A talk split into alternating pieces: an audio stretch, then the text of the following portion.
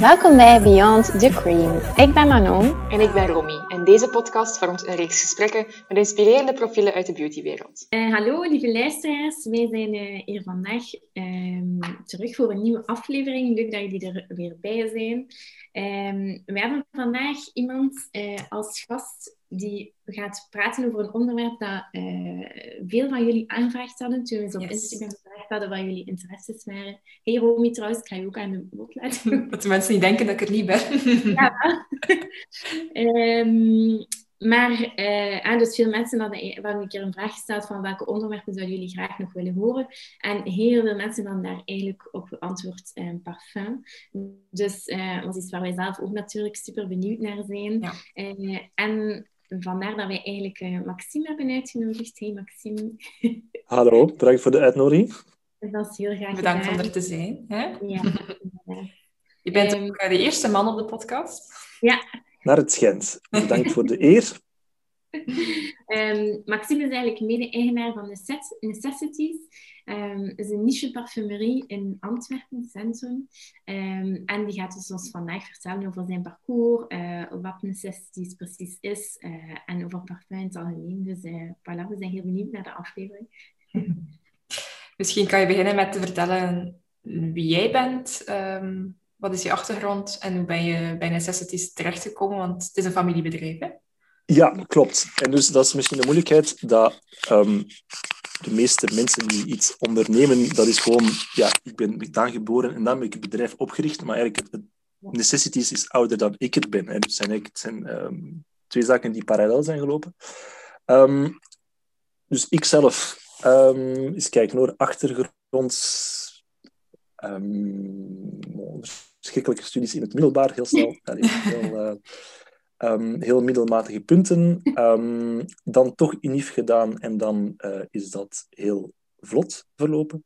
Um, master in communicatiewetenschap, master in, in uh, politieke wetenschappen. Ja. En eerst wel voor bedrijven gewerkt, vooral in, in marktonderzoek. Mhm. Veel met statistiek, veel met uh, goed eye-tracking en, en, en meer het, het wel, consumentenpsychologie. Mm um, en dan um, bij Necessities terechtgekomen. Nu, ik had beter bij Necessities begonnen, dus Necessities zelf in 1985 opgericht, uh, voor mij, uh, door, mijn, door mijn grootouders. Um, toen nog in de Schuttersstraat. Ik denk, we denken nog altijd, de eerste nog bestaande niche parfumerie van, uh, van de Benelux. Ja, mooi. Um, en mijn grootmoeder, toch de drijvende kracht, was vooral iemand die heel graag um, luxe had, maar op, denk ik op een soort artisanale wijze. Ik bedoel, zij was meer geïnteresseerd in een, in een mooie handgemaakte theepot dan, dan, in een, in een, dan, dan misschien iets van een bekend merk. Uh, dus zij had eigenlijk een soort mini old school concept store, of toch een concept store van la lettre met badpakken, theepotten, maar dus ook een heel belangrijk uh, uh, niche assortiment.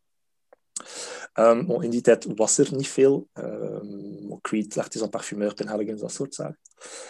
En dat is goed verlopen, zeker de eerste jaren. En dan, gelang dat ze ouder werden, werd het allemaal wat, wat stoffiger. En dan in 2011, denk ik, 2012, uh, is er een soort samenloop van omstandigheden geweest. Uh, in de zin van, mijn grootvader is heel erg ziek geweest en de uh, huisbaas had toen beslist om de toen eigenlijk al heel dure huurprijzen te verdubbelen. Um, het kwam ongeveer neer dat je elk jaar een half, twee slaapkamers appartementen mee kon, kon kopen met hoe hard dat het was, was gestegen. Um, en dus, ja, goed, mijn grootmoeder in paniek. De vraag van gaan we dat doen. Enfin, ik zat er toen nog niet bij, eigenlijk, vooral mijn, mijn ouders, omdat mijn moeder al, al een tijdje hield met, uh, met de winkel. En um, de, ja, uiteindelijk de beslissing om het, om het toch te doen. Eigenlijk heel snel gekozen van, oké, okay, we gaan naar de Steenhouwersvest, we verhuizen alles daar, we focussen ons alleen nog maar op parfum. Ja. Ik was eigenlijk op dat moment net uh, gestopt met mijn job. Om verschillende redenen. Ik vond mij niet meer zo goed bij. Het was ook echt eigenlijk te zwaar. En dus op een, op een eigenlijk werkloos moment heb je al die problemen. Ehm, en, en vanzelfsprekend eerst helpen met verhuizen en dan zo verder. En dan zo'n beetje achter de schermen. ehm, e-mailadres opzetten, basics van de websites, de boekhouding eigenlijk van die hele onnozele dingen. Dat is eigenlijk wat ik deed. Ehm, Ja. En er is dan een moment gekomen, na ik denk drie of vier maanden dat mijn, dat mijn, eh, dat mijn ouders eigenlijk de winkel openhielden. Ehm, dat ze zeiden van, oké Maxime, we moeten echt op vakantie. Want wij waren zeven op zeven dagen open. Ja. Ehm, dat was echt heel hard werken en zo verder. En zeiden oké, we moeten er even onderuit. Kunt jij de winkel open houden? Dacht ik van, oké, ja, we gaan dat doen. Maar ik kende eigenlijk niks van parfum. Ik, bedoel, ik, ik kende de geuren van wanneer dat ik de winkel bezocht van mijn grootouders, en maar ik kende er eigenlijk niks van. En ik weet nog, de winkel opent, ik zit daar met mijn hemd en ehm, de eerste klant komt binnen en stelt mij een vraag en dat is alsof ik voelde mij ronddobberend in een soort donkere oceaan waar het er een soort Moby Dick monster op mij afstormt. En dat was zo traumatisch, eigenlijk het, het, het vragen stellen over dingen waar je niks over weet, dat ik dacht van, oké, ja, ik moet mij hierin verdiepen. Ehm, en en, en ehm, ik weet nog, op het einde van de week begon ik wel al reacties te krijgen van, ah ja, oké, ja, interessant. En ah ja, oké, dat wist ik nog niet over parfum. En, en eigenlijk die combinatie van voldoening aan de ene kant en misschien een soort ja, een gigantische vrees. Vrees voor, voor, voor ja, vragen te krijgen dat je niet op kunt antwoorden, heeft gemaakt dat ik mij er extreem hard in ben verdiepen, eh, dag en nacht. En, en, en dat we ondertussen, denk ik, een, een, een kennispool hebben die, die ehm, belangrijk is. Ja. Dat was een heel lang antwoord op een heel korte vraag. Dus ik, eh, ehm, Supergoed. Ja. ik weet niet of... of ja, zeg maar. Hoe, oud, hoe oud was je op dat moment? Ehm, denk 25 of 24. Ja. Zoiets. Ehm, en ik zag er toen waarschijnlijk 19 of 20 uit. Dus ik, ik, ik zag er echt extra piepjong uit om, eh, om, om ja, parfum te zitten verkopen eigenlijk. Ja. Nee, en wel ook ja, het feit dat dat nog zo'n niche is ook, dan, dan, ik herken heel erg zo die, die stress van, oh my god, ik moet daar wel, ja, ik mag hier niet zomaar om afvertellen. Zeker ook dat het ook een keer voor je familie eigenlijk was, dat je toch wel dat goed wilt doen. En Ja. ja, ja Mm, als wordt. Nu, interessant genoeg, ehm, ay, dat was toch voor mij toch een, een, een iets, iets, niet confronterend, maar toch iets opmerkelijk. Is, na drie maanden hadden mensen het gevoel dat ik een parfum-expert was. En pas op, als ik terugkijk op wat ik toen wist, ik wist niks. En eigenlijk om de twee jaar kijk ik terug en denk ik van eigenlijk de vorige versie van mezelf kende niks van parfum. Dus ik bedoel, dat is, dat is onwaarschijnlijk diep, eh, hoe ver dat je erin kunt gaan.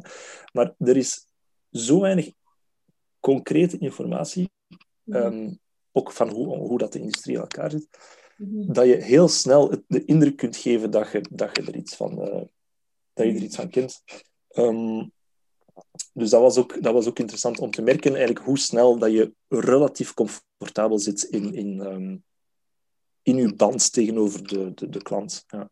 En hoe heb je je dan verdiept in het vak? Ehm, heel veel lezen. Dus allee, toen we zijn begonnen, de Schuttershofstraat was toen echt een, een triple-A-street, of een, toch een A-straat. Uh, Steenhouwersvest was ondertussen ook een topstraat geworden, maar ik bedoel, was ehm, B, ik bedoel, dat was niet fantastisch.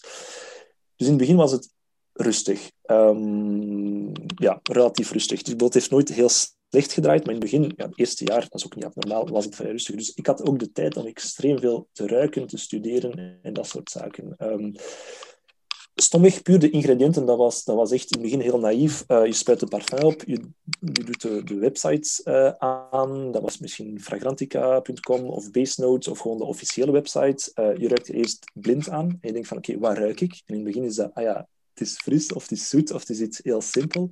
Mm-hmm. En dan uh, kijk je van, oké, okay, wat zit er echt in? En van, ah ja, oké, okay, daar is misschien dat en dat en dat. En zo, zoals bij wijn, zoals met zoveel zaken, begin je steeds meer nuances, uh, steeds meer elementen te kunnen, te kunnen herkennen.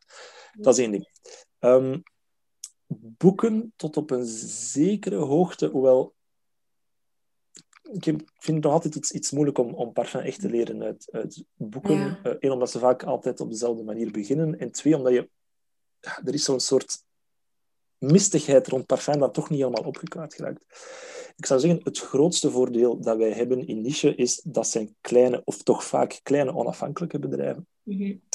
En dat maakt dus ook dat dat contact heel nauw is. Dus um, als een parfum uh, Maria Candida Gentile heet, het merk, ja, dat is omdat dat opgericht is door Maria Candida Gentile. En ik heb dus ook contact met Maria Candida Gentile. En dus je kan bij manier van spreken letterlijk de telefoon opnemen en zeggen, Maria Candida, hoe gaat het ermee? En dan, oké, okay, hoe heb je dat gedaan en hoe heb je dat gebruikt? En, en, en, en zo um, ja. krijg je eigenlijk heel snel um, heel belangrijke informatie.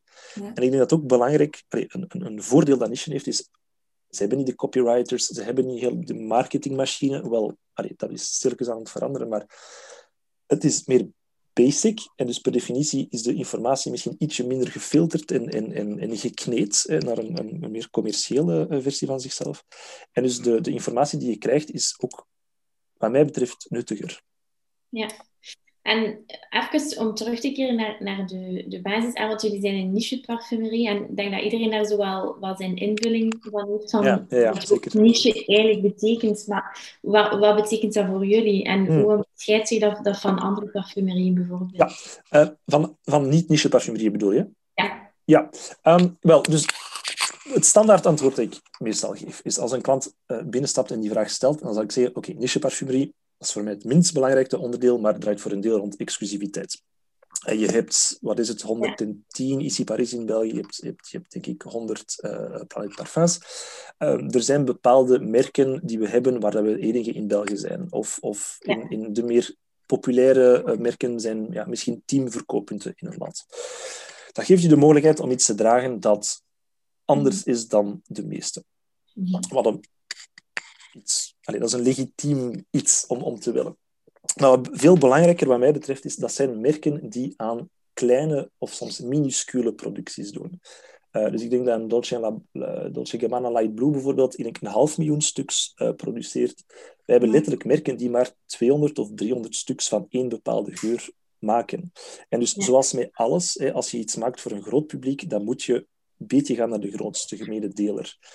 Als je eigenlijk maar 200 mensen moet vinden per jaar die je geur leuk vinden, dan kan je doen wat je wilt. Ja. Dus we zitten denk ik meer in het experimentele, meer in ja, de creativiteit van de parfumeur, die artistieke vrijheid, uh, die expressievorm. Um, ja, geuren die ingewikkelder zijn, maar denk ik ja, interessant ook zijn, echt een statement kunnen maken. En tenslotte, opnieuw, de niche is breed. Uh, er zijn uitstekende parfums in een, in een, in een Planet Parfum Paris. Er is gigantische crap in de niche parfumerie. Ik wil, daar gaat het niet om. Maar hoewel dat een niche parfumerie duurder is, ik denk dat je bij ons normaal gemiddeld rond de 150 zult zitten mm -hmm. voor, voor een eau de parfum 100 milliliter, um, betaal je normaal gezien veel meer voor wat er in de fles zit. Mm -hmm. Dus de meeste van die merken hebben sowieso geen budget voor uh, reclamecampagnes en, en, en opnieuw super chique flessen. Of opnieuw, er, zijn, er is variatie, maar in het algemeen betaal je meer voor de de grondstoffen en minder voor het gezicht van. Johnny Depp of, of, of wat dan ook. Um, de kwaliteit is een relatief iets, maar als we puur kijken naar bijvoorbeeld het gebruik van natuurlijke grondstoffen, uh, de concentratie uh, per parfum en zo verder, dan ligt dat meestal... Wel, de productieprijs van een niche parfum is vaak, opnieuw, breed genomen tussen de maal 10 en de maal 20. Um, maar de prijs die je betaalt als consument is denk ik ja, maal anderhalf, maal 2. Ja, mooi. En dat, dat is het dan weer. Ja, dat is een duidelijk antwoord. ik denk dat het voor veel mensen zoiets vaag is en, en uh, nog moeilijk is om, om van een werk te zeggen, is dat een niche of is dat, uh, is dat nu voor het grote publiek? Nee, tuurlijk. En allee, het is wel zo dat die werelden zijn deels aan het versmelten. Ja. Um, vooral omdat, denk ik, naar gelang dat de niche groeit, zijn er ook steeds meer um, grote spelers die zich ermee moeien hè, en ook bijvoorbeeld bepaalde merken beginnen op te kopen en dat ook eigenlijk professionaliseren. Heeft voordelen, heeft voordelen voor de communicatie, heeft nadelen meestal voor de prijs en voor, voor de exclusiviteit en voor de kwaliteit. Um, maar um, we merken ook dat er vooral wat recentere spelers in de afgelopen tien jaar geuren maken die eigenlijk de commerciële parfumerie, of de commerciële, de, de, de, designermerken is denk ik de, de correcte term. Ja. Eh, die de designermerken beginnen te kopiëren, maar dan bijvoorbeeld in een grotere, in een sterkere vorm of, of, of uh, met een gigantische uh, rijkwijde, grote sillage, dat soort zaken. Uh, dus het is allemaal, allemaal een beetje aan het versmelten, dat wel. Ik denk dat niche parfumerie, toen dat mijn grootouders ermee zijn begonnen, was een soort mei 68 soort chic, een soort alternatief mensen, ja, mensen die vooral alternatief waren, wel met enig met, met, met, uh, geld hadden, dat wel, maar dat was meer zo het, het, het alternatieve. En ik denk dat uh, niche nu steeds meer geabsorbeerd wordt door uh, de luxe sector. Waarbij dat um, ja, ten eerste alle, alle echte luxe merken bijvoorbeeld nu ondertussen ook al hun, exclusieve lijn hebben, of een ex exclusieve of, of een, een niche-lijn. Um, en dat je ook die prijzen ziet stijgen naar, naar uh, steeds... Uh, ja, ja, want ik denk, als je vroeger luxe zei in de tijd van je grootouders, dan was dat meer een Chanel. En als je nu... Nu is dat misschien wat meer omgekeerd en is, is een Chanel voor het groot publiek. Allee, qua parfums dan. En, ja. en is die niche meer luxe te worden. Hè? Ja. Uh, het, is, het is hoe dat je het... Um, ja, het is maar hoe dat je het definieert, inderdaad. Ja. Um, ja, op zich wel. Allee, ik vind nog altijd, als ik voorbij de Chanel-winkel stap met de exclusieven, um, ik word daar nog altijd wel uh, vrolijk van. Ik wil het altijd heel aantrekkelijk. Maar um, ik denk wel dat, dat, dat kan je... Wij doen dat natuurlijk al, al, al, uh, al 35 jaar, maar ik denk wel dat de markt, de niche-markt wel, de interesse voor de niche-markt wel sterk is gegroeid. Um, en dus dat, um, dat dat ook wil zeggen dat mensen op zoek zijn naar dit soort van minder bekende geuren, ja, of minder bekende producten. Ik vind dat wel super dat, dat je zegt van uh, mei 68 chic, dat is echt zo zalig. Oké, okay. ja, het is moeilijk. Ik was natuurlijk toen niet geboren, maar, maar ik merk zo, zeker ons, uh, ons ouder cliënteel, ik bedoel, ondertussen zijn dat ook, zijn er ook zestigers, je merkt dat ook wel zo de... Um, het niet willen kijken naar de labels, het ook echt niet, nog niet geïnteresseerd zijn in, in wat is er momenteel hip en zoveel ja. meer vragen stellen over ja, het gebruik van natuurlijke grondstoffen, um, het echt een meerwaarde vinden als, als, als een parfum, echt auteursparfumerie, wanneer dat de neus ook de, de, de eigenaar is. Um, dus dat, dat cliënteel is voor ons de start. Dus natuurlijk, ja, nu zijn er heel veel bijgekomen die ook andere verwachtingen hebben en andere, andere noden. Ja, um, je zegt van die natuurlijke grondstoffen. Is dat effectief iets wat mensen um, belangrijk vinden?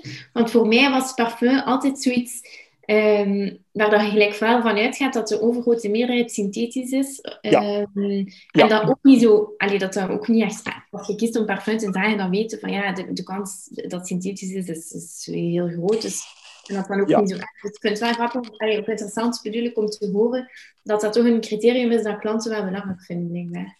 Pas op, hè. dus het is wel zo, als je één, een niche eh, boutique bent en twee, als je een familiebedrijf bent, de, wie dat je, hoe dat je boutique is en uiteindelijk ook het cliënteel is voor een deel een reflectie van, van de personen die daar werken. Ja. Ehm, wij zijn daar, denk ik, gevoeliger aan dan het gemiddelde. Dat is een vraag ook als ik, als ik een potentieel nieuw merk voor mij heb. Dat is een van de vragen die ik stel. Nu, je kan... Laat mij eerst dit zeggen. Het is inderdaad, zoals gezegd, parfum is voor een groot deel synthetisch. Het is zo, ik denk de berekening is ongeveer dat een, een parfum, zeker in de meer, um, in de meer massaparfumerie, gemiddeld genomen 98% synthetisch is. Uh, je kan 98 zeggen en niet 100. Waarom? Omdat je nog een paar mooiere merken hebt, zoals een Guerlain of een Chanel of een Hermès, die wel nog die combinatie zal gebruiken van. Uh, en, en bijvoorbeeld, ik zeg nu maar eens, een, een, nummer 19 nog echte iris gebruikt. Um, en dus daarmee um, is, dat, is dat niet 100% synthetisch. Um, in een niche parfum, kijk, niet iedereen is daar gevoelig aan. Je hebt verschillende soorten klanten. Ik bedoel, er zijn mensen die binnenstappen en zeggen, oké, ik wil uh, iets hebben dat je nergens anders ruikt. Ik kan dan zeggen van, oké, okay, ik wil een parfum dat 24 uur blijft. Maar ik heb ook wel, wel degelijk een bepaald percentage van het cliënteel. En als ik zeg van, oké, okay, kijk, dit merk is gemiddeld genomen 96% natuurlijk, of, of, of we hebben er eentje die bijna 100% natuurlijk is, dan, um, dan zie je wel die, die, die heel positieve reactie. Um, en, en ook, je hebt, want jullie als mensen die meer, in, in, er mee, meer mee bezig zijn, beseffen het ook, hè, dat er heel veel synthetisch is. Opnieuw, opnieuw dat hoeft niet noodzakelijk slecht te zijn. Maar beseffen dat. Uh, ik, heb, ik heb veel mensen die achterover vallen hè, als ik zeg dat, dat een parfum bijna 100% synthetisch is. Um, en die dan, dan ook wel een, een, een, echte meerwaarde vinden om, om, ja, om meer naar het, het natuurlijke te gaan. Dit gezegd zijnde, wij alvast selecteren nooit um, natuurlijk of 100% natuurlijk als doel op zich. Dus dat is voor mij absoluut geen ideologische keuze. Het is, het is meer de overtuiging dat een, een parfum rijker kan aanvoelen, voller, complexer, interessanter, puurder. Um, dat dat een beter gevoel geeft als je op de juiste plaatsen uh, de juiste materialen uh, gebruikt. Um, maar bijvoorbeeld als je merk, wij verkopen dat nu niet, maar als je merk uh, Comme des Garçons heet en je maakt geuren van lijm en, en benzine en, en dat als van geniaal. Hè? Ik bedoel, daar ben ik zelf van. van dat, dat moet je natuurlijk ook synthetisch doen en dat is ook helemaal, uh, helemaal oké. Wij zijn meer van de overtuiging dat je kan niet... Oké, stel je, maakt, je wilt een roze parfum maken, um, maar je wilt de kostprijs van echte roos niet gebruiken, want dat is gruwelijk duur. Hè? Dus een, een, een, wij drukken parfum uit in, in uh, prijs per kilo. Um, en, en de prijs van een, een, goede roos van, van um, Roos de Mei het gras is denk ik 12.000 euro de kilo. Um, dus dat is natuurlijk... Zelf al gebruik je het echte spul, je gebruikt er maar een heel klein beetje van. Maar ik, je hebt, als ik me niet vergis, heb je één ton, heb je 1000 kilo roos nodig voor 1 kilo roze parfum. Dus natuurlijk is dat super duur. Nu, stel dat je een roze geur wilt maken, maar je denkt van ja, sorry, wij gaan geen echte roos gebruiken, um, dan kan je dat op een synthetische manier namaken. Dat kost heel weinig. Um, maar als je dan wel roze prijzen vraagt. Stel dat je, dat je parfum ja, 40 cent heeft gekost, maar je vraagt wel 150 of 200 euro. Het is daar dat we een, een, een in onze winkel persoonlijk een probleem mee gaan hebben. Dus dat is dan wel iets waar dat wij sterk op, op kijken. Ja, mhm. ja die prijskwaliteit eigenlijk. Ja, ja. inderdaad.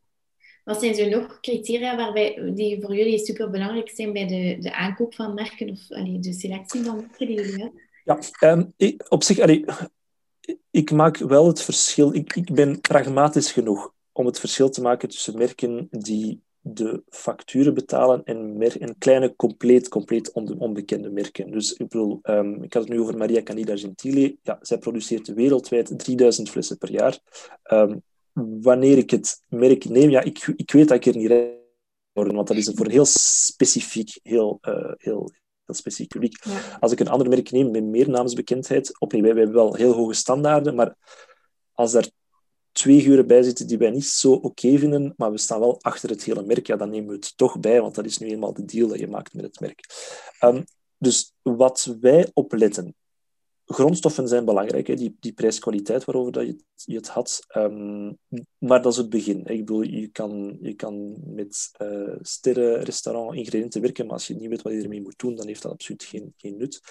Um, ja, uh, creativiteit sowieso. Ik bedoel, is, dat een, is dat een geur die echt zijn eigen weg gaat? Of kijkt toch een beetje naar de anderen en is het eigenlijk toch stiekem een beetje een kopie van andere zaken? Uh, dus, dus is het complementair met wat, wat we hebben? Um, zijn het, ja, is het mooi gestructureerd. Hè? Dus heb je het gevoel dat elk element op zijn plaats zit? Of is dat een soort warge, een beetje een, een, een wazig iets? Um, er zijn bepaalde moleculen waar dat wij weten dat ze ja, goedkoop synthetisch gaan overkomen. Dat kan dan weer storen.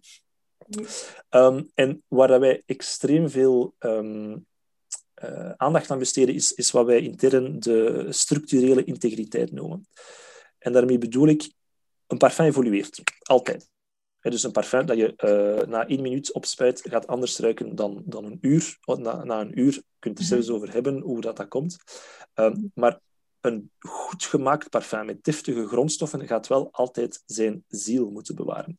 En waar ik zelf een, een, een, een grondige hekel aan heb, zijn cynische parfums die heel veel energie of, of, of uh, heel veel hebben geïnvesteerd in de eerste vijf minuten van hun geur, om daarna te vervallen in een soort ja, iets of wat generische, iets wat weege geur. Um, dus dat is iets waar wij heel hard op, op testen. Um, ik heb parfums die 48 uur blijven. Uh, wij hebben parfums die vier, vijf, zes uur blijven. Dat maakt mij op zich niet uit, want het is voor een ander publiek. Maar wat wel belangrijk is, is dat je, die, dat je na die 24 uur, of na die zes uur, nog altijd wel herkent dat dat die geur is van na één minuut. Ja. Ehm, want dat is ook echt een teken van, van, van vakmanschap voor ons. Dus dat is, eh, dat is belangrijk.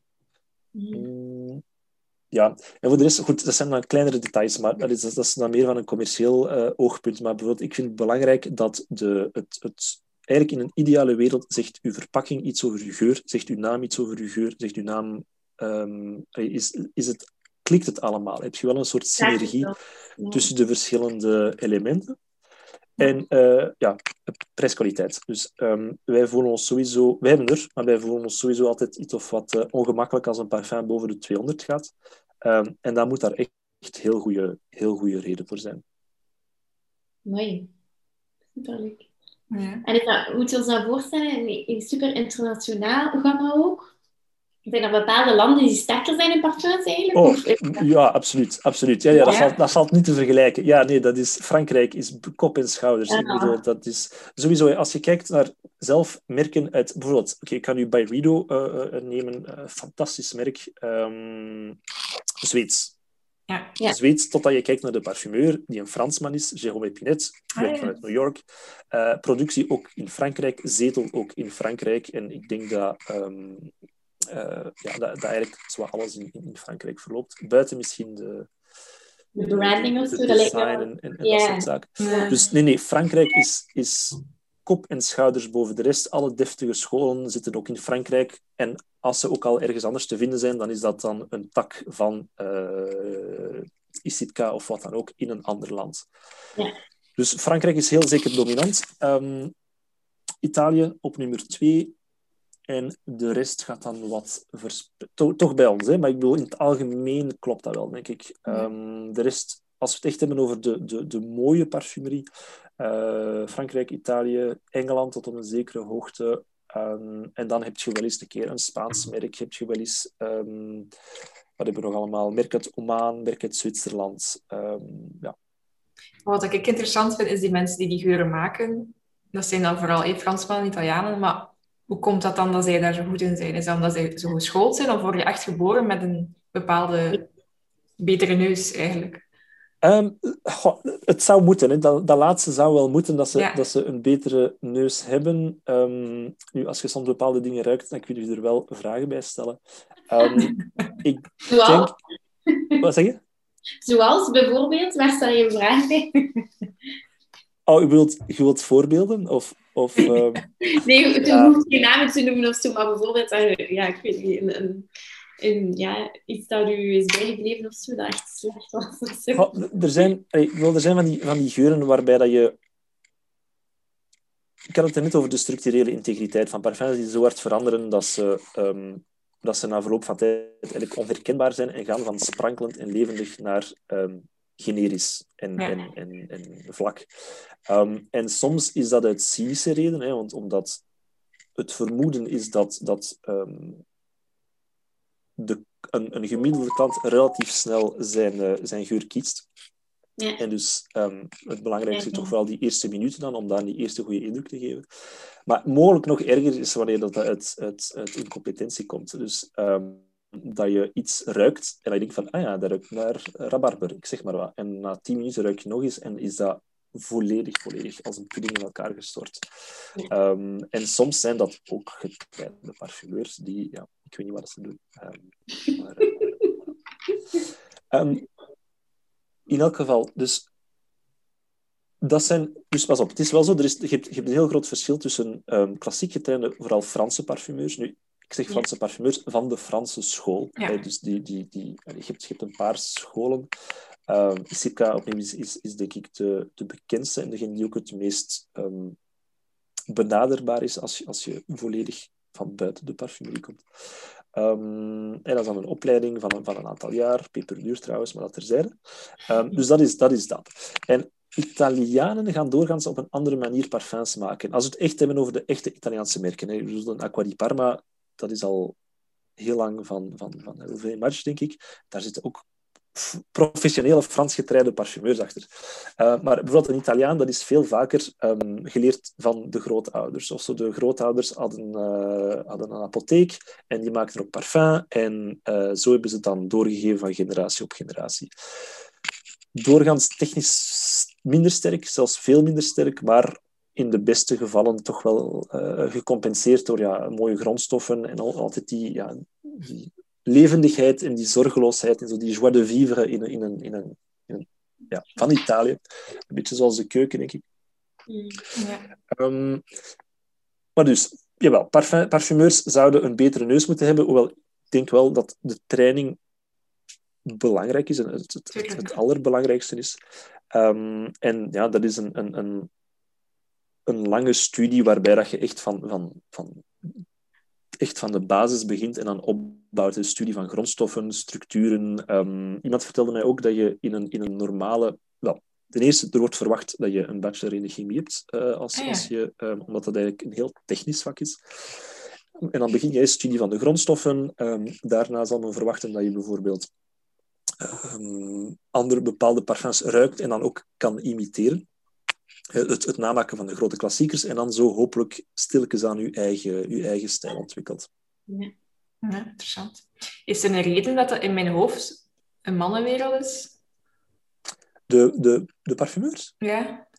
Um, dat ligt misschien aan mij, maar zo, ik heb zo het gevoel dat dat, dat dat vaak mannen zijn. Ik, heb, ik ben daar niet zo zeker van. Ik, Nee? ik denk nu wel, als, kijk, als we kijken naar um, de, de klassiekers van vroeger, als we nu kijken, zeg maar iets, een, een, Calice van Hermes of een, een Chalimar of, of al dat soort zaken.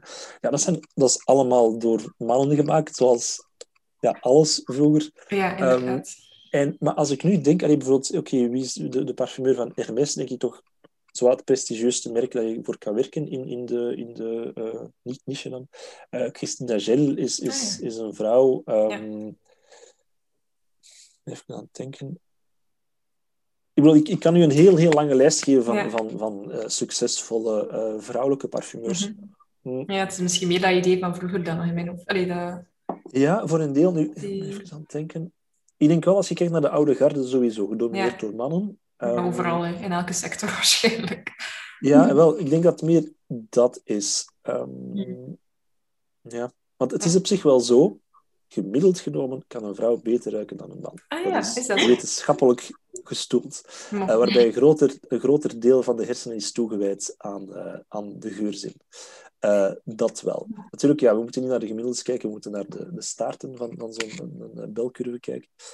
Dus ik weet niet hoe het daar zit, maar um, nee, opnieuw. Ik denk wel, veel merken dragen misschien een wat mannelijkere naam. Dat, of, of veel oprichters zit, zijn, zijn wel mannen.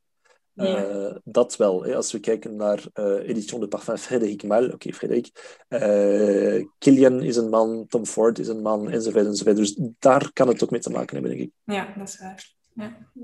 Ja, en uh, los van inderdaad het, de mannenwereld, vind ik ook wel dat uh, parfum een van de domeinen is binnen de cosmetica sector waar dat er het meeste mystiek of zo, die Ja. geheimzinnigheid uh, overhangt. Heb je een idee hoe, hoe, dat, dat, hoe dat, dat komt of hoe moet dat voor aan? Um,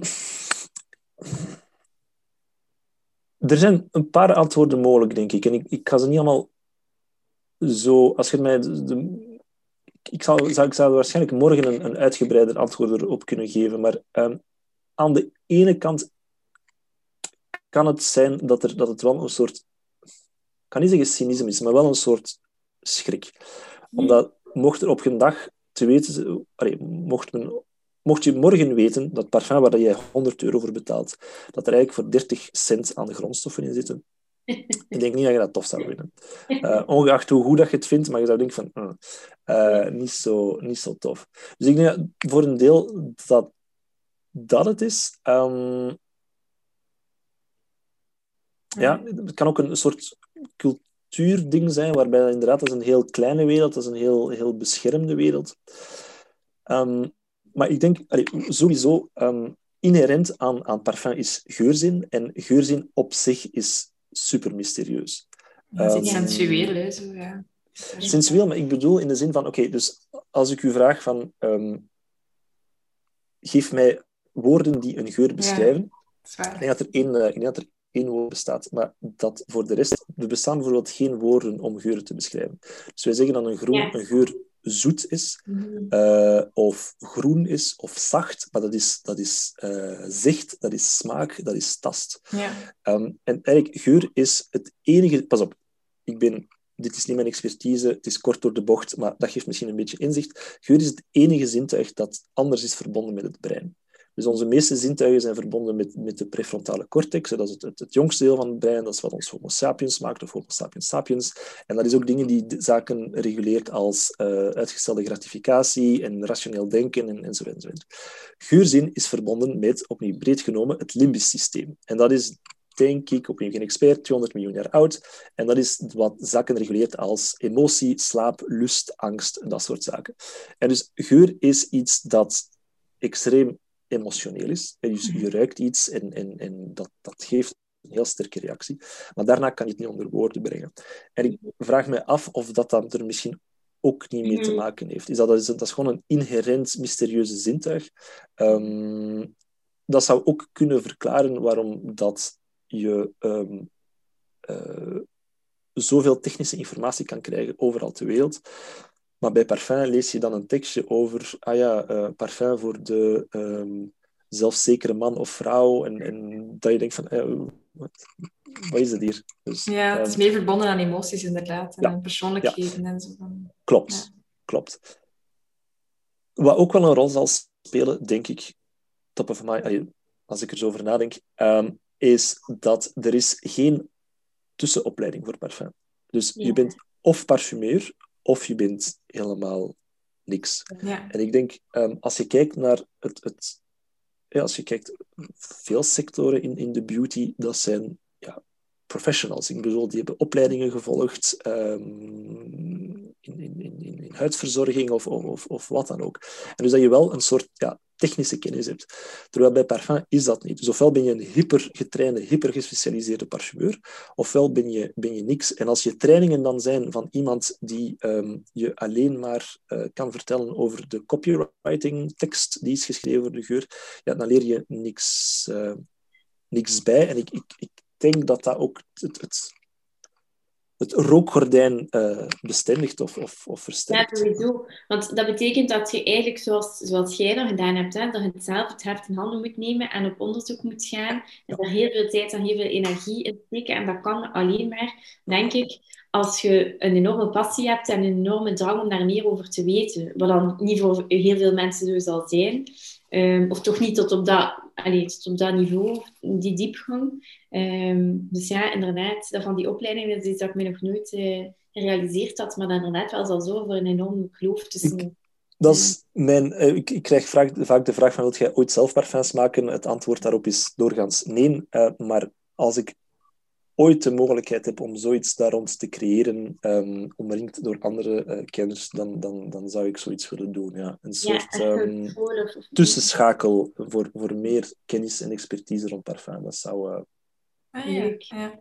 ja, want ik vraag mij ook af, een keer dat je alles weet over parfum, kan je nog blijven bijleren? Is dat, een, is dat iets dat constant blijft veranderen, zoals andere sectoren? Of is er Ehm, echt een, een, een drempel, allee, een, een stop Nee, van... wel. Goh, ja, in theorie wel. Maar ik bedoel, in theorie kan je ook alle Wikipedia's eh, eh, Wikipedia-artikels lezen. Maar dus nee, parfum is, is... Ik bedoel, ik ben tegenwoordig meer bezig bijvoorbeeld met, oké, maceratieproces. Dat is tegenwoordig iets waar ik me een beetje meer verdiep. Ehm, maar, ja, maceratie is, is ehm, eh, dat eigenlijk voordat je een parfum kan... Dus je hebt je, je compositie gemaakt, dus samen een hoop van, van ingrediënten. Dat is dan eigenlijk een puur parfum wordt vermengd met alcohol en water. En dan is er eh, een, een maceratieproces, waarbij eigenlijk, om je kort door de bocht, een parfum moet rijpen, ehm, om, om, om, ja, om verschillende redenen. Ehm, en dat, ehm, ja, wat er dan precies verloopt, het chemisch proces, de balans, ehm, dat, dat is bijvoorbeeld eigenlijk al iets waar je je maanden in kan verdiepen om te begrijpen wat er Ja. precies gaande is en, en het verschil tussen eh, twee maanden maceratie en zes maanden maceratie, wat doet dat? Maar bijvoorbeeld, ehm, kijk, stel dat je alle families kent en alle officiële ingrediënten en, en alle parfumeurs, oké, dan kan je bijvoorbeeld beg- beginnen verdiepen in de, de, eh, de moleculen die ze gebruiken. En dat zijn er Ja. 4000. Ik bedoel, dat is... Dat is ehm, en, ja, geraniol, dihydromiscinol, ambermax. Ik het oneindig, bijna oneindige lijst van, van ingrediënten. En die hebben allemaal een karakteristiek, en die, of die hebben allemaal ehm, ehm, ja, hun, hun eigenheid, en die worden allemaal om andere redenen gebruikt. Dus daar kan je in verdiepen. Of, ik weet niet, als, als je meer, dat is minder mijn ding, maar als je meer het soort, als je houdt van de, meer de romantiek van de parfum, of, of, of de anekdotiek van de parfum, van, ah ja, die geur is door die persoon in dat jaar gedragen, of Ah, die geur is voor, de, eh, voor Grace Kelly gemaakt toen dat ze trouwde met de prins van Monaco. Ik wil dat soort zaken. Dus nee, het is, het is echt heel... eh, het is extreem breed, want ja, je hebt Ja. duizenden parfums en het is ook extreem diep, want het gaat tot op het, op het, Ja. echt het, het chemische. Eh, hoe wordt een parfum gemaakt? Hoe werkt onze neus? Voor mij altijd het, het, het meest interessante eh, gedeelte van, van, eh, van, van die wereld. Dus nee, dat- ik, kan, ik kan 120 jaar worden en ik zal nog altijd ehm, aan het studeren zijn, denk ik, om, om, eh, En om er echt iets van te kennen. Ja. ziet je, ziet je bepaalde ehm, hypes of trends? Want dat is iets dat bijvoorbeeld in skincare of in make-up wel enorm ziet. Hè? De ene, Ja. en ja, de ene trend naar de andere volgt, volgt zich op. Ehm, ik heb het gevoel dat zijn parfum wel minder is. Ik weet niet hoe jij daarover denkt. Oké. ehm, het, zal, het zal waarschijnlijk minder zijn. Natuurlijk, ja, het is een... ehm, parfum is, een, is het natuurlijk een... Zou ik zeggen, is geen functioneel product, het is vooral een, een, een luxe ervaring. Mhm. Dus ze zijn, denk ik, ook meer... Ja, je moet er ook minder rationeel over nadenken, meer op het gevoel. En aangezien dat het inspeelt op een soort universele appreciatie van bepaalde geuren, kan ik mij inbeelden dat er ietsje minder trends zijn. Ehm eens kijken, hè, wat merken we? Ja, het is vooral gesegmenteerd. En, en opnieuw, ik, ik, ik zit in niche parfumerie, dus ik denk dat mijn Ja. microcosmos anders is dan misschien dan andere trends. Maar een, een, een recente trend, denk ik, van de afgelopen jaren is dat een bepaald deel van het cliënteel op zoek is naar meer wat wij antiparfums noemen. Dus geuren die ehm, niet ruiken alsof je een parfum aan hebt, maar dat je het toch heel aantrekkelijk voelt. Eh, of dat, dat, dat je de geur heel aantrekkelijk vindt. Ehm, kijk, ja, bekende zijn de moleculen 01 van Eccentric Molecules of eh, Not a Perfume van Judith Has a Gun. Ik bedoel, er zijn zo'n aantal voorbeelden die soms monomoleculair zijn, maar soms ook niet. En die eigenlijk meer het gevoel geven van oké, warme huid, fris uit de douche, eh, propere huid. Eigenlijk iets heel zachts, iets transparants. Ehm, maar zo, ja, ruikt niet naar roos, ruikt niet naar, Ja. naar citrus. Dus dat is bijvoorbeeld één trend. Ehm, zoetheid bij mannen is iets dat elk jaar eh, evolueert. Dus de, ja, de tijd van, van de aftershave geuren lijkt een klein beetje op zijn retour, wel. ehm, maar zo meer de geuren met ja, tonkabon bijvoorbeeld, of, Ja. of, of maltol, eh, dat is, dat is dan meer zo dat suikerspinachtige. Begin je steeds meer ook in, in, in mannengeuren te vinden, ook in, eh, ook in de niche. Ehm, dus dat wel een paar jaar, enfin, een paar jaar geleden, eh, tien jaar geleden was, eh, was oet als ingrediënt dan ineens. begon elke merk ermee, maar begon ook veel klanten ernaar te vragen. Ehm, Ja, het is minder, ehm, minder out in the open dan, dan bij huidverzorging, denk ik. Toch? ja, Wij, zijn, Ja, wij, ja. Zijn ons, wij zijn ons minder bewust van de trends, denk ik, als Ja. consument. Ja, ja. Het is niet dat wij Ja. naar de winkel gaan stappen van ik wil nu echt een geur met dit in, denk Nee. ik. Behalve, behalve op persoonlijk niveau, van, omdat ik dat graag heb, maar niet omdat, omdat ik dat nu Nee. veel zie in de boekjes en zo, denk ik toch? Nee, nee, nee, nee, nee Ja. dat klopt. Dat klopt. Nee, inderdaad. Nu pas op, als je het hebt over... Dus, ehm, wat we meer te horen krijgen dan vroeger, vooral bij een jonger cliënteel, is mensen die de term ehm, genderneutraal gaan gebruiken voor de Ah, geur. ja. Ja. Ehm, nu pas op, dat is, dat is een klein deel. Ik wil dat is niet... ehm, En uiteindelijk merken we dat, dat die term niet altijd overeenkomt met hoe dat hun geurzin werkt. Ja. Waarbij dat, wat dat ze willen niet altijd hetzelfde is als wat dat ze uiteindelijk graag ruiken. Mm. Maar dat is bijvoorbeeld wel zoiets, dat is dan, weet ik, een heel aantal artikels over verschenen ehm, in, in, in de media en dat, dat dat steeds meer besproken werd. En dus dat dat ook wel nu een, een deel is geworden van, van eh, eh, de woordenschat van een, een bepaald deel. Ja. Van, Ja. eh, Ja, ja, ja. ja. Dat is interessant. En pas op, als we bezig zijn over wat dan meer mainstream trends. Ik herinner mij wel, als, als, ik, als ik jong was... Uh, ja, ik ben niet ook van de helft maar ik bedoel, in het middelbaar dat er toch wel echt zo trends waren. Gelijk um, uh, Be Delicious van KNY, het appeltje. Ja, oh ja. Of dan de van Cacharel. Uh, wat was het nog allemaal? Zo, dat toch echt wel ook hype zat van, van geuren. Maar dan... Nee, nee, sowieso. Maar hype rond bepaalde geuren 100%. Ik bedoel, nee. ik, ja, nee, absoluut. Dus ik, ik, ik dacht nu meer van hypes in een soort trend van bepaalde categorieën die, die populair zijn. Ja. Ja. ja. Ja, dat was zeker mijn vraag naar u ook. Uh, zijn, zijn er zo hype-geuren in de niche-parfumerie die jij oh, van... Zeker. kan ze u allemaal opzommen. Um, ja. Santal 33 van het Labo. Ja. De Valérie, Porte de Valérie van Frédéric Mal. Aventus ja. van Creed. Um, ja. Baccarat Rouge van Maison Francis Curjean. Ja. Molecule 01 van Eccentric Molecules. Mm, er zijn er natuurlijk nog, maar als we het hebben over zo geuren waar... En wij verkopen die niet allemaal trouwens, hè, dus voor yeah. staat altijd 33 bij ons wilt kopen, sorry.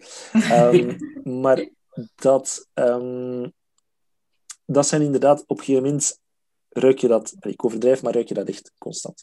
Um, of, of heb je, heb je we hebben in de winkel bijvoorbeeld uh, eh, 700 geuren.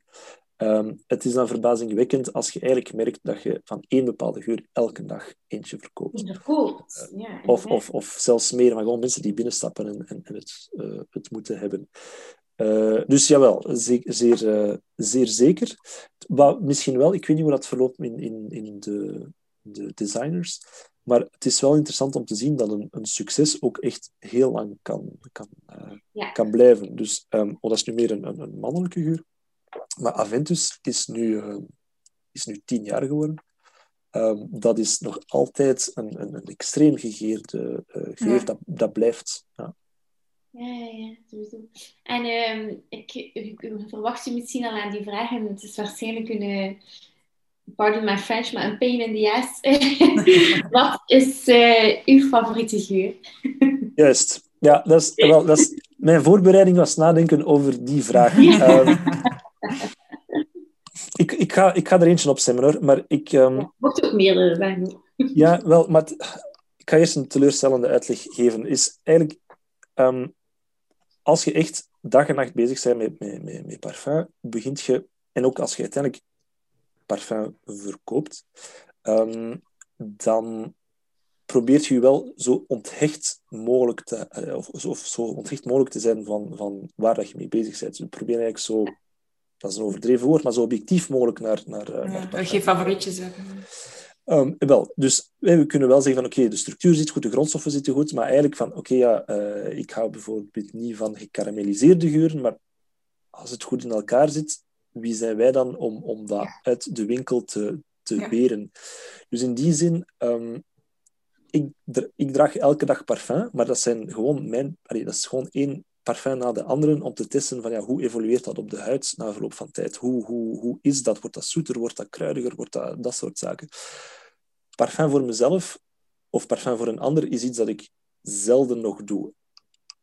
Misschien over een jaar terug wel, of, of dat, dat kan ik niet voorspellen, maar um, je, je, ik zie parfum doodgraag, maar, maar op een iets of wat onthechte wijze. Ja, kan het um, ja. En dus vroeger was een goed parfum voor mij iets dat ik nog nooit had geroken. Hè. Dus, en soms ook echt gewoon heel vreemde zaken. Uh, je merkt dat bladconcept heet, hebben we niet, maar ik wil dat, dat, dat rook naar bloed. Ik vond dat super interessant, ik vond dat zalig. Maar ja, allee, ik droeg het niet. Uh, dat was gewoon om te ruiken. Um, als ik echt een, een topgeur zou moeten opzommen die, die, die wij verkopen en die ik echt fantastisch vind, dan zou het uh, Ganymede zijn van, van uh, Marc-Antoine Barrois. Um, die al die karakteristieken heeft die, die ik net opstonden. Dus, dus um, creativiteit, mooie grondstoffen, mooie structuur, um, interessant, uitdagend en toch draagbaar. dat is eigenlijk, ja, je, hebt, je hebt een heel chic, lederachtig gevoel in het hart. Een soort plooibaar leder, een soort zwijdeachtig gevoel. dat wordt dan aan de ene kant opgefrist door appelsien, maar zo appelsien zest. Dus je krijgt wel een soort fruitige frisheid zonder dat dat te zoet wordt. En dan in de basis zit er iets in dat we immortel noemen, of, of uh, ik denk strobloem is daar de minder uh, aantrekkelijke naam van. Maar uh, immortel is iets, ja, dat is een bloem voor mensen die niet van bloemengeuren houden, omdat dat ruikt naar, ja, naar hout, naar hooi, naar zilt. Um, dat, is, dat is mineraal. En dus Um, in de randjes heb je ook nog een beetje osmanthus, dat is een wat, jasmijnachtige bloem.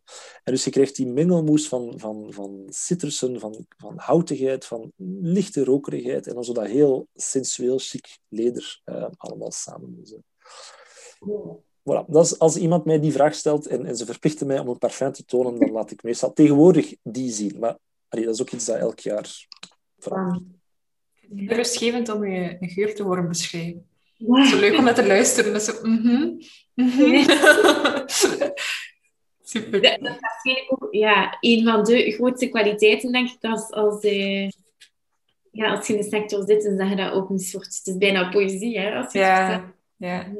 Ja, ja oh, allee, pas op. Ik, ik, probeer wel altijd... Um, nu, allee, over niet naïef te zijn, dat is een zaak. Je, je probeert ook perfect te verkopen. Maar ik probeer, dat wel, ik probeer dat wel op de meest ja. eerlijk mogelijke manier te doen. En, want er is altijd de vraag, ik beschrijf een parfum, maar ik probeer altijd aan deconstructie te doen. Ik probeer eigenlijk gewoon een aantal elementen naast elkaar te zetten, die hopelijk, hopelijk eh, iemand helpen om heel snel um, inzicht te krijgen in die geur. Um, dus als er ergens vanille in zit, ja, ik kan niet verzwijgen dat er vanille in zit. En als de persoon dat dan niet graag heeft en er daardoor sneller uit kan halen, ja, dan gaat hij geen miskoop doen.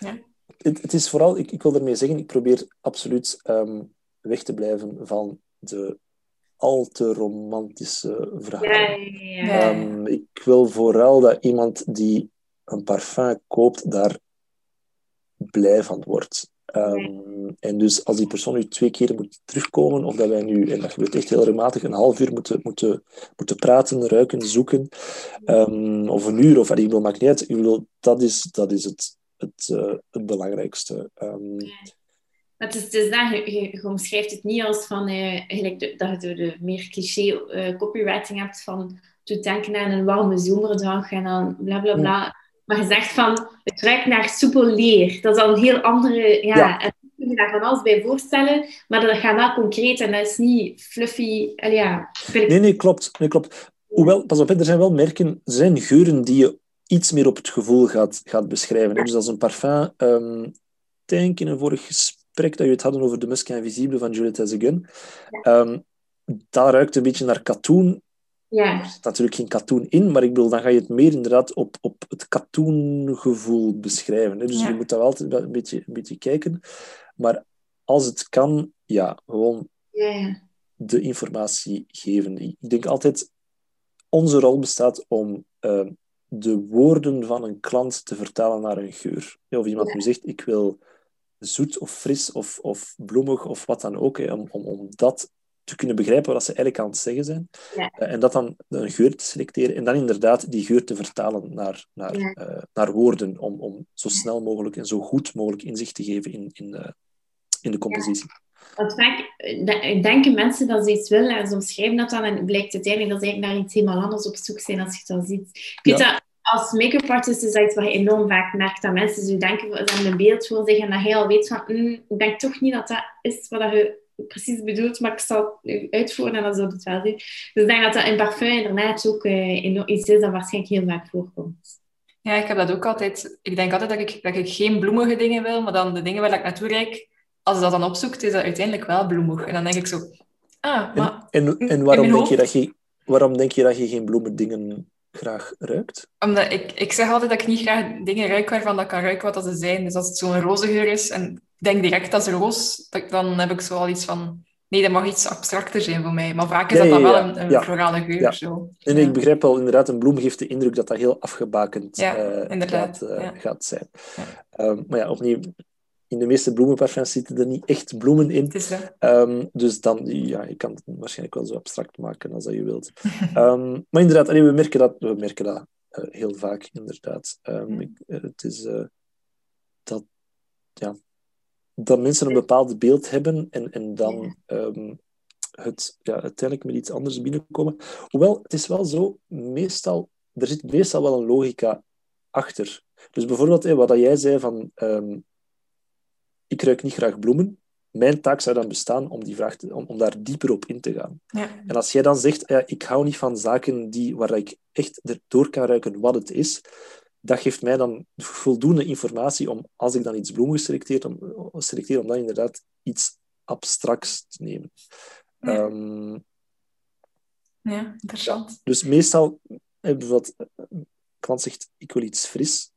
Ehm, dat is meestal het eerste. Nu, fris wil eigenlijk alles en niks zeggen. Hè. Dus dat, is, dat wil letterlijk voor iedereen iets anders zeggen. Fris is eigenlijk gewoon een synoniem voor, voor goed. Ehm, en dan is het onze rol om, om, om te weten wat fris betekent. En dus ehm, je kan zeggen, ah ja, ze, ze heeft fris gezegd, maar ze is met een wierookgeur buiten gestapt. Maar ja, voor haar is dat fris. Dus dan, dan, dan ja... ehm, zij, heeft, zij heeft gelijk in haar Ja, hoofd. En, ja. en, en ik denk, de rol van, van iemand die met parfum bezig is, professioneel, is om dat te begrijpen, om die code te ontcijferen en, en, en, of te synchroniseren met je eigen code. En daar dan samen eh, op zoek te gaan naar, naar de juiste geur. Ja. Ja. Zijn er Dat zo is- een paar dingen dat je... Sorry. Zijn er paar dingen dat je, dat je kan zeggen van als klant, als je die weet, dat je beter je eigen geur gaat kunnen vinden? Of zo'n paar, paar dingen die, die je als, Een paar, een paar als kennis kan doen, hebben? Of, Ja. Ehm, dat gaat weer heel generisch klinken, maar het, ik denk het aller, aller, allerbelangrijkste, en dat is ook gewoon, dat geldt ook voor, voor, voor mensen die in de, in de industrie zitten, is begrijp wat een neus is en wat een neus doet. Eh, omdat onze neus is eigenlijk, het is overdreven, maar onze neus is eigenlijk ons constant aan het misleiden. Niet bewust, maar we begrijpen niet welke informatie dat de neus doorgeeft. Dus ehm, om een paar voorbeelden te geven. Oké, dat is nu direct een, een van de controversiëlere onderwerpen, maar de, de, de, dat de zuurtegraad van de huid bijvoorbeeld een impact zou hebben op, op de ontwikkeling van de geur. Heel weinig wetenschappelijk bewijs voor. Eh, maar de, de vraag is dan bijvoorbeeld, maar hoe komt het dan bijvoorbeeld dat eh, mijn parfum anders ruikt bij mezelf dan bij een vriendin of, of dat soort zaken? Opnieuw, het is niet 100% uitgesloten dat geen impact heeft, maar er zijn heel veel factoren die waarschijnlijk belangrijk en zelfs veel belangrijker zijn. Bijvoorbeeld dat een geur ehm, anders ruikt op 2 centimeter afstand dan op een meter afstand. Omdat bepaalde moleculen verder ruiken dan andere. Ehm, dat je een synesthesie kunt hebben. Wij hadden vroeger een, ehm, een geur dat heette Oliver Peoples van Byredo. Dat was in drie verschillende flacons, drie verschillende flessen. En wij deden soms de oefening van niet te zeggen dat dat drie dezelfde geuren waren. En dan lieten we zeggen, wat vindt u de beste? Ik deed dat niet te vaak, maar ik wil... Eh, en dat was, ah nee, deze is veel frisser, deze is veel zoeter, deze is veel houtiger. Exact dezelfde geuren, gewoon omdat die impact van die kleur eigenlijk al ehm, de beoordeling van de geur eh beïnvloedde. En dus dat besef is belangrijk, is, is om ja, een beetje die afstand te kunnen nemen van je, van uw eigen directe ervaring. En bijvoorbeeld, eh, veel geuren beginnen met citrus, eh, zeker de wat natuurlijker parfum, heel vaak bergamot. Bergamot is een extreem dominant ingrediënt in, in, in het begin, omdat ja, de neus zal altijd voorrang geven aan, aan de dunste moleculen en bergamot is dat. Maar dat is ook iets dat extreem snel vervliegt. En dus als je ruikt en je zegt van, oh nee, dat is een citroengeur, en je gooit dat weg, ja, dan ben je misschien eigenlijk je bloem en je amber en je hout en weet ik veel wat, eh, dat er allemaal onderaan zit, ben je, ga, je nooit, eh, ga je nooit ruiken. Dus dat begrijpen, dat, dat je neus op zich momentopnames doet, dat er veel, vaak te veel informatie is en dat je soms verschillende keren moet ruiken, de Ja. tijd moet nemen, eh, op verschillende plaatsen eens een keer moet ruiken, buiten moet ruiken ook. Ehm, koop, ik zeg altijd, de, de ironie van een parfumwinkel is dat de slechtst mogelijke plaats is om parfum te ruiken. Eh, omdat de neus past ook altijd aan aan de omgeving. En hoe meer, ja, hoe meer geurbestandsdelen, hoe harder dat hij de volumeknop gaat, gaat eh, dichtdraaien. Dus ruik het gewoon altijd even buiten. Ehm, om eigenlijk ja, je neus zoveel mogelijk de ruimte te laten om, om één, de juiste analyse te maken en dat je dan ook die analyse begrijpt. Ja, dus nooit eh parfum ruiken in de winkel en direct kopen, maar altijd eh, buiten Nee, stappen. sowieso probeer het op de huid. Eh. Omdat je huid is de meest Voor je neus is je huid de meest, eh, het, het meest neutrale canvas dat je kan hebben. Ja. Eh, omdat onze huid heeft een geur, maar ja, omdat die zo herkenbaar is, is dat niet dat we er heel bewust van zijn. Maar dat geeft eigenlijk meer inzicht. En je zal ook merken dat vaak een parfum buiten heel anders begint te ruiken dan binnen. Opnieuw, dat is geen chemisch proces. Je parfum is er niet door veranderd, maar je neus ruikt het anders.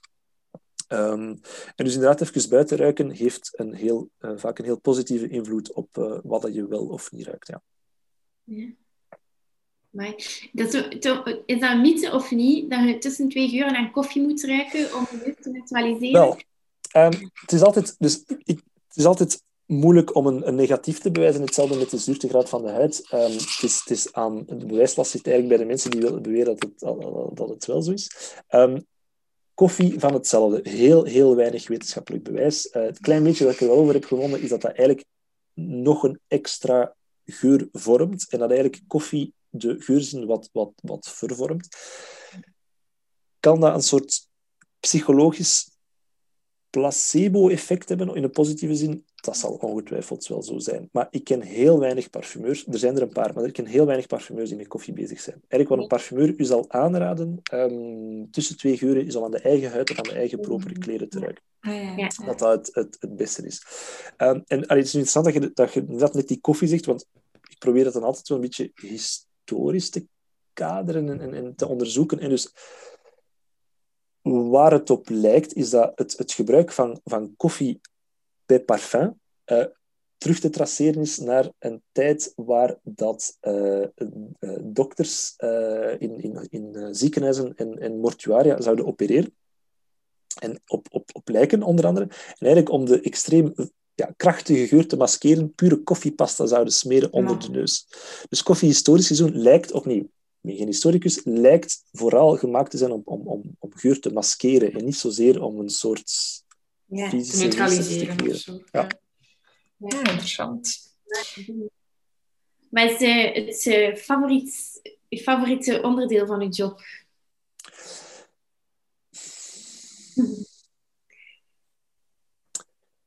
De, ja, sowieso het, het zoektocht naar de geur. Um, want ja, op zich, eh, we zijn een klein familiebedrijf, dus dat is uitpakken van dozen, dat is de lichten aandoen, dat is stofzuigen. Je, je, je bent met heel veel zaken bezig. Um, in interactie staan met de klant is, is sowieso het, het leukste. Maar vooral, soms um, heb je een klant waarbij dat je vanzelf dezelfde taal spreekt, waarbij je zelf dezelfde associaties maakt tussen woorden en bepaalde geuren. En dan kom je in een soort flow terecht, waarbij dat je steeds verder en steeds dieper kan gaan, hè, waarbij dat je dan niet alleen een bloemengeur ruikt, maar dan een bloem naar een uh, bloemenwinkelgevoel. En van die bloemenwinkel, ja, bloemenwinkel waar het er ja, net lelies staan te bloeien, zo, dat je eigenlijk steeds, steeds, steeds gedetailleerder wordt. En dat je dan een parfum vindt die... Dat je het gevoel hebt dat dat enkel dat parfum kon zijn. Uh, of, of, of die geur kon zijn voor die specifieke persoon op dat moment. Um, en dan voel je zoveel voldoening en dankbaarheid. En, en, en um, ja, dan, dan heb je, krijg je zo echt het gevoel van, oké, ja, die persoon gaat blij zijn elke dag dat hij oh. uh, die geur aandoet. Ik denk dat dat, dat is echt het, uh, ja. het leukste. Um, en, en de research. Research is, is voor mij ook, uh, is ook leuk. Ja, dat merk je wel. ja, kunnen praten met, met de parfumeurs en, en die ook vragen stellen um, waarbij dat je zelf dan heel snel iets bij leert, is, is altijd... Uh... Mm. Zijn de, hebben de meeste... Uh, sorry, ik spring een beetje van de hak op de tak. hebben de meeste mensen, een, uh, de meeste van uw klanten een vaste geur? Of zijn dat meestal mensen die toch willen experimenteren? Nee, nu, um, mochten... Nee, dat laatste, toch wel. Um, nu, je hebt er een paar. Hè. Opnieuw, je hebt zo bepaalde geuren die zo sterk zijn dat mensen, is sterk als in de zin van, van niet krachtig, maar gewoon uh, zo, zo uh, goed, ja. goed of, of inderdaad in elk geval zowel loyaliteit, loyaliteit um, opwekken, dat, dat ze er altijd terug voor gaan. Maar meestal, meestal zal een klant binnenkomen, oké, okay, ik heb vorige keer dit gehad en nu ben ik op zoek naar iets anders. Dat zal vaak wel in dezelfde categorie zijn, um, maar dat is wel het, het niet een nadeel, maar er is nog een extra uitdaging met niche. Omdat je meer met uitgesproken geuren zit, zit je vaak met een grotere kick. Het is meer uitgesproken. En als dat klikt, is dat zalig. Maar ja, de kracht en de, de opulentie misschien en de specificiteit van die geur maakt dat je die of minder vaak, vaak niet altijd, hè, maar bij sommige geuren minder vaak gaat dragen. Of twee, als de fles op is, dat was heel fijn, maar nu is het op zoek naar die ja, opnieuw die kick vinden. Um, dus nee, wel veel mensen die binnen de, hetzelfde merk ook blijven, dat wel. Gewoon heel tevreden zijn. Uh, maar nee, het is, het is vaak hard werken. Ja, moet je doen. Wat zijn voor jou eh, de, de voordelen geweest, of zelfs de nadelen van, van het instappen in een familiebedrijf? Ja, wil ik ook net. Ja. Perfect. Ehm, ik zou zeggen, de eerste jaren vond ik dat heel... Van het, voor mij persoonlijk, hè, vond ik dat heel erg of heel lastig. Ehm, het gevoel dat je meestapt in iets dat je niet zelf hebt gemaakt. Ja. Ehm, en dat je uiteindelijk de facto de eerste jaar, enfin, technisch gezien nog altijd voor een deel, maar je, je werkt voor je ouders. hè, gewoon. Dat is, dat is, dat is wel, maar gewoon puur. Mijn ouders zijn heel fijn, maar ik bedoel, de, gewoon de gedachte dat je eigenlijk ja, je werkt voor je ouders is, is vreemd. Ehm, nu is dat totaal weg. Nu ben ik echt heel, heel, heel blij ermee. Het is ook, ja, naar gelang dat je meer richting begint te geven aan, aan waar dat de zaken naartoe gaan, is, dat natuurlijk, is de voldoening ook groter. Ik- kijk, ik, ik denk het grootste nadeel is, dat je, is het, het gevaar van de echokamer. Omdat je uiteindelijk, ja, we komen allemaal van dezelfde Ja. achtergrond, toch dezelfde familiale achtergrond. Dus ehm, het, het is altijd op zoek gaan naar iemand buiten de familie die ook zijn mening heeft over, over een bepaald iets. Ehm, je hebt het nadeel dat ehm, ja, er soms iets wat slordiger wordt gemaakt. Je hebt geen... Als we iets vragen en, en het, het staat iemand niet aan, de kans dat hij het niet doet is, denk ik, groter dan, dan als je het echt hebt tussen collega's. Ja. Het grootste voordeel is vooral ja, het, het, het, het, vertrouwen. Ik bedoel, de, de, de, de efficiëntie ook waarmee dat wij werken is eigenlijk eh, groot. We hebben helemaal geen, geen belangrijke informatica-infrastructuur bijvoorbeeld die alles moet bijhouden en dat soort zaken. Maar ik bedoel, ja, iedereen vertrouwt elkaar gewoon. Iedereen weet waar dat welk product zit en welke prijs voor, welk, voor wat. Dus dat is dat. En twee, het, het, of drie, ik weet het al niet meer. ehm, de eerlijkheid is daar echt, heel, eh, echt een heel groot voordeel in, waarbij je echt kunt zeggen, oké, sorry, maar jij, moet meer zo zijn, of niet goed bezig, of, of doe dat eens, of dat. En, en je kunt bij manier van spreken tegen elkaar zitten roepen, en dan de dag daarna is dat, is dat letterlijk vergeten. Dus dat is... ehm, dat is, ja, ik ik ben eigenlijk heel blij ehm, om, omdat dat in een, in een familieverband is. Ehm, wij werken nu ook al, al enkele jaren steeds meer met, ik zal ze maar externe noemen, maar in ieder geval met, eh, met, met wat medewerkers. Ehm, wat ook heel fijn is, en dat geeft ons natuurlijk ook die extra, die extra eh, stimulus om, om, om de zaken vanuit een ander, een ander standpunt te bekijken. En, ehm, want je bent er eigenlijk een beetje toevallig in gerold doordat je vooruit is gekomen en zo. Mhm. Maar was dat iets als je jonger werd, dat je aan gedacht had om te doen? Hadden je ouders zoiets van, hm, we zouden hier er toch graag bij hebben? Of, of is dat gewoon samenloop van... eh, van Ja, nee, eh, wel, nee, dus totaal niet. Dus ik, ik, tot, tot, totdat ik erin zat, net, net, zelfs nadat ik erin zat, dacht ik niet dat ik dat ging doen. Nee. Ja. Ehm, nee. En, en op zich, het is wel zo, ja, als, als, je, als je grootouders een, parfumwinkel hebben, ja, natuurlijk draag je dan misschien meer parfum dan, dan de meeste. Eh, ik, weet nog dat ik allee, age, allee, totaal niet ehm, gepaste parfums droeg voor mijn leeftijd. Echt veel, veel te zwaar, veel, veel te aromatisch. Eh 13 jaar, ik rook, eh, ik rook naar een, een whisky drinkende grootvader. Ehm, dus dat was, ja, dat. Maar eigenlijk was mijn, mijn interesse, ja, ik had wel vier, vijf flesjes, maar dat was zo meer van, ah, hier, kleinzoon, Ja. hier is een fles voor u. Ja. En voor de rest totaal niet van bewust. Ik kreeg er wel veel complimenten op, dat, dat wel. Maar eigenlijk zelf het concept van niche parfumerie zat, zat niet echt, eh, zat er, eh, zat er echt in. Dus dat is, dat heeft echt een heel concreet startpunt gekend. Ja. Is namelijk toen ik ben beginnen helpen. Ja. Ja, ja, ja. Dat is toch grappig, want dat is wel een, een, eh, een rode draad die we zo zien bij al onze gasten eigenlijk. En Robbie, we hebben dat tegen elkaar ook al gezegd. Hè, van iedereen rolt er toch precies op een bepaalde manier in of zo. Allee, dat is altijd zo...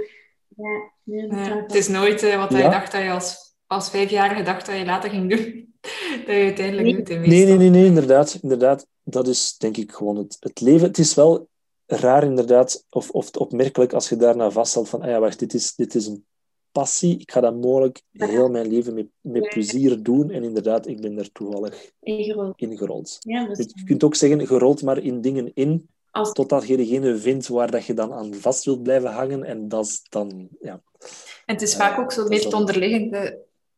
En zo gelijk mensen die, die als ze klein zijn zeggen dat ze mensen willen helpen die dan in de zorg gaan of zo. Of... Ik heb bijvoorbeeld altijd gezegd dat ik schrijver wou worden, maar ik ben uiteindelijk copywriter geworden. Dat is geen schrijver, maar schrijven zit daar wel in.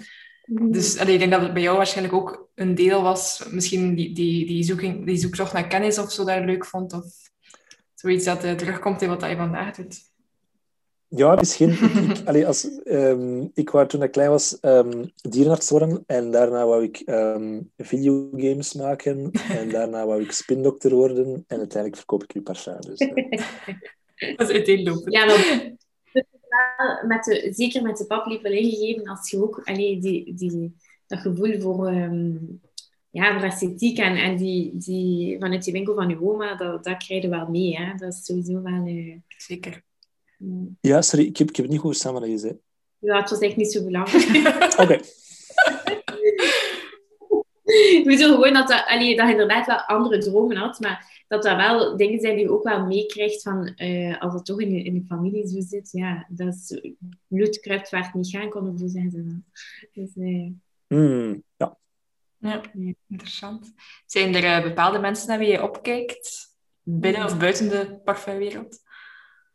Zeker. Allee, ik wil eender wie die, die, een, die een, een, een merk opricht, het, risico neemt om een, om een merk te, te, te maken en, en, en, zichzelf... Hij is zeker een auteursparfumerie die en eigenaar is en parfumeur en die zijn creaties blootstelt en dan dat compleet ziet afgebroken worden op, op, op, op een website of, of wat dan ook. Ik, wil, ik, denk, dat dat een heel, eh, heel stressvol eh, iets is, dus dat, dat, dat sowieso.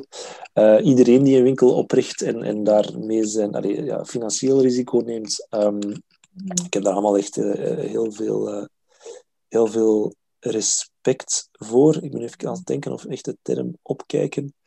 Ehm, nee, ik zat meer in, in, het, in echt in termen van, van, van ja, respect en, en, en ja, eh, Ja.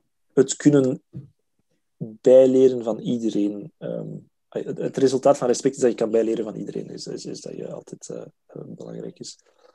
Ja. Mm, Maar goed, ja, er, zijn, er zijn grote parfumeurs bijvoorbeeld waar ik, waar ik naar opkijk in de zin van waarvan ik wel vind dat ze een niveau boven zijn dan, dan eh, de anderen. Ja, Olivia Giacobetti, om er eentje op te noemen, Jérôme Pinet, Maria Canella Gentili, Pierre Guillaume. Ja. Toch eerst, zeker die eerste. Ehm, dat zijn mensen, zou ik zeggen, je kijkt erop, daarop in de zin van je kijkt altijd uit naar hun volgende creatie. Dat wel. Eh, ja. En dat je, je afvraagt of dat ze terug de, de markt vooruit gaan kunnen duwen in hun, in hun creativiteit. Super. Heb je tips voor mensen die, ehm, die zelf geïnteresseerd zijn om, om zich wat meer in parfum te verdiepen? Van waar beginnen we? Ik weet niet, de dag van vandaag de mogelijkheden die er zijn, maar starten. Mm. Ik wist dat die vraag ging komen en toch heb ik er geen antwoord op. Ehm, eh, ik, ik denk, kijk, allee, gewoon omdat, zoals ik het heb gedaan, als je de tijd hebt, ehm, ga parfum binnen, ruik vooral veel, eh, neem het ook mee naar huis, zet eigenlijk gewoon een website open, lees de informatie, ruik. Als je echt een parfum wilt, een geur wilt begrijpen en weten van, ah ja, dat zit daarin en dat zit, dat zit daarin. Ehm, ja, boeken zijn op zich wel interessant. Eh, ik denk- denk, je hebt een boek van Sophie Albrecht, die, die eh, goed is, denk ik, als, als basis. Ehm, ja, ik kan het toch maar niet laten. Blijf weg van de YouTubers. Ehm, als er nu één deel is van de wereld waar het echt extreem veel bagger wordt verspreid, dan is dat eh, de, eh, zeker de hype bros op, eh, op YouTube. Eh, die allemaal hetzelfde bespreken en, en Hmm. gewoon altijd maar zeggen hoe sterk en hoe sexy en hoe krachtig iets is en voor de rest geen Meerwaarde. eh, zelfstandig naamwoord kunnen vinden om een, om een parfum te beschrijven. Ehm, het- je gaat er niet veel uit, uit, eh, uit bijleren en je gaat misschien ook je... ehm, ja, omdat ze allemaal hetzelfde bespreken, begint, krijg je op een gegeven moment ook zo'n soort groupthink, wa- wat voor geur voor mij heel onintuïtief aanvoelt, omdat dat zo'n emotioneel iets is. Verdiepen? Ja, veel lezen, veel ruiken. Ja. concreter dan dat kan ik niet gaan. Ik kan nu wel iets concreter zijn als, als je het hebt over welk parfum moet je kiezen. Kies de geur die je blij maakt, waar je gelukkig van wordt. Dat is, dat is denk ik het belangrijkste. Omdat, hè, want net over, over de, kwaliteit van grondstoffen en, en, al dat soort zaken. Als je iets opspuit en je krijgt er een goed gevoel bij en je gaat er gewoon voor. Um, ik denk dat dat het, het allerbelangrijkste is. Zorg dat wat je draagt beter is dan niks. Want op zich, je hoeft helemaal geen parfum te dragen, dus de last ligt eigenlijk hoog voor, voor parfum. Uh, en, en zie dat je er een goed gevoel bij krijgt. En of dat nu comfort is, of luxe, of, of, of zwoelheid, of wat dan ook, dat maakt op zich allemaal niet uit. Maar ja, dat je na dat spuitje je iets beter voelt dan voor dat spuitje, dat is um, waar, er, waar je voor moet gaan. Ik. Super mooi. Heel mooi. Ik denk dat we met deze wijze woorden eh, misschien kunnen afronden. Ja, Perfect. heel goed. Super. Dikke merci. Nee, jullie zijn bedankt. Alle echt heel interessant. Ja, Voilà. ik denk eh, dat we echt wel eh, veel mensen plezier hebben gedaan hebben met deze schat en informatie. Eh, waar kunnen we- mensen jullie volgen? Hebben jullie een Instagram-account? Jawel, maar dat is ehm, een van de, van de zwakkere punten eh, in, de, in het familiebedrijf, is dat ehm, ja, wij, allee, ik zelf dat allemaal moet doen en eerlijk gezegd, ik heb er niet veel tijd voor, maar je kan, wij hebben inderdaad een Instagram-pagina en we hebben ook een Facebook-pagina, ehm, maar het allerbeste is dat je gewoon eh, bezoekt in eh, Antwerpen. Super. Ik denk dat een- iedereen eh, zin gaat krijgen om eh parfums te komen shoppen. Ik Altijd toch alleszins. Oké, super. Merci. Merci. Bedankt. Dank je Salut. wel.